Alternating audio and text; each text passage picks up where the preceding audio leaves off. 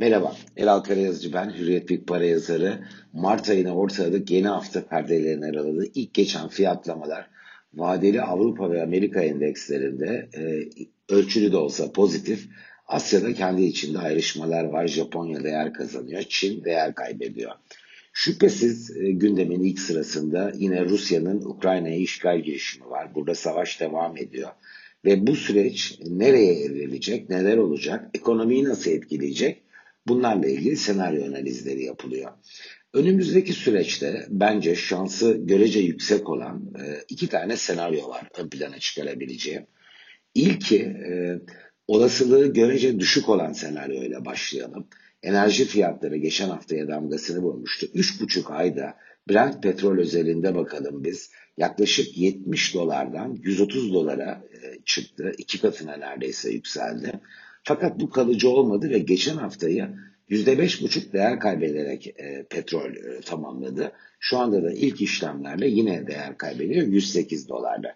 Şimdi böyle bakarsak 3,5 ayda kalıcı olan değer artışı %50 mertebesinde ve bu süreç önümüzdeki haftalarda yeniden agresif yükselişlere dönüşmezse petrol cephesinde aslında e, dünya ekonomisi 2022 yılında bir resesyon yaşar mı kaygısı yumuşayacaktır ve hal böyle olunca da ilk senaryoya dönülecektir. Ama velev ki e, bu gerçekleşti. Yeniden enerji fiyatlarında çok sert artışlar oldu ve bir uzlaşma yaşanmadı Rusya-Ukrayna hattında. Çünkü orada da filizlenen bir uzlaşma süreci var. Bu devam ediyor. Uzlaşma ihtimali var diyelim. Bu noktada evet 2022 ölçülü bir resesyona neden olabilir.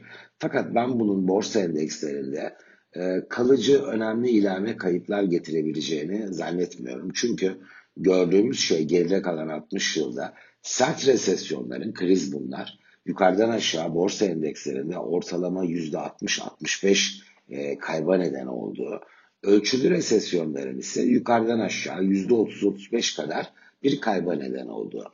Biz geride bıraktığımız bir aylık bölümde borsalarla %15'lik bir düşüşe şahit olduk. Fakat 10 ay öncesiyle kıyasladığımızda doğru olan da budur. Borsalarda e, cari değerler %25'lik bir iskontoya işaret ediyor. Geçen hafta bugün o sert satıcılı başlangıçta da %35'lik düşüş aslında çıktı karşımıza.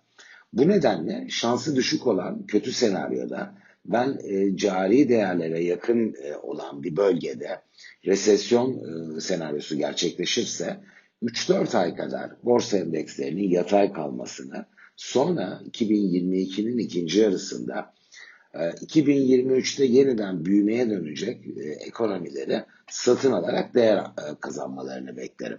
Şimdi gelelim şansı daha yüksek olan senaryo. Hem petrolün sakinleşmesi hem de üstüne bir uzlaşma ihtimalinin oluşması bu resesyon kaygılarını boşa çıkarıp dünya ekonomisinin 2022'de e, e, büyümeyi sürdürmesine pekala beraberinde getirebilir.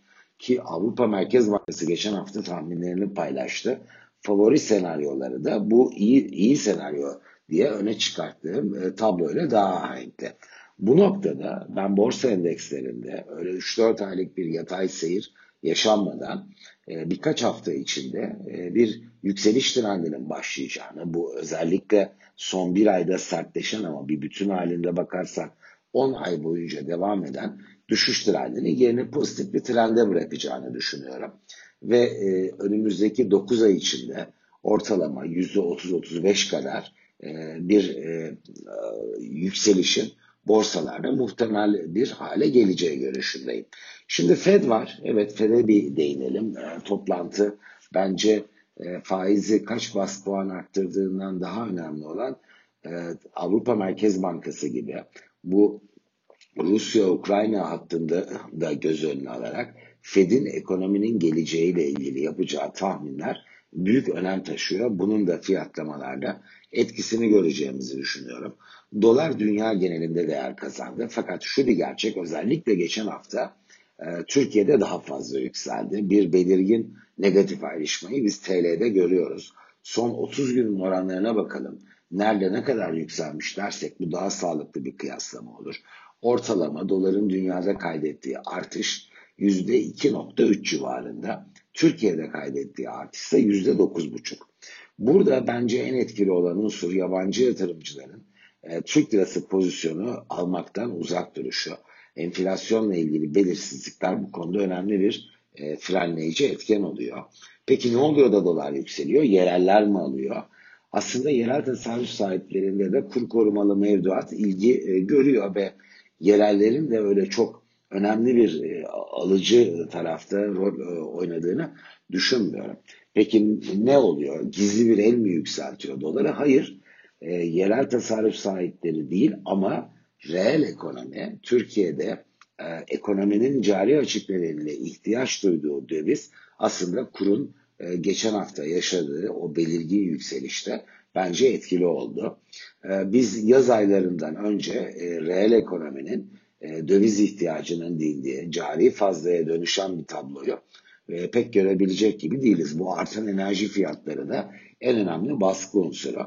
Fakat ne olursa olsun eğer e, biz önümüzdeki günlerde Rusya ile Ukrayna arasında filizlenen o uzlaşma senaryosunun şansının yukarıya doğru gittiğini görürsek elbette Türk lirası üzerinde de sınırlı katkılardan şahit olabiliriz.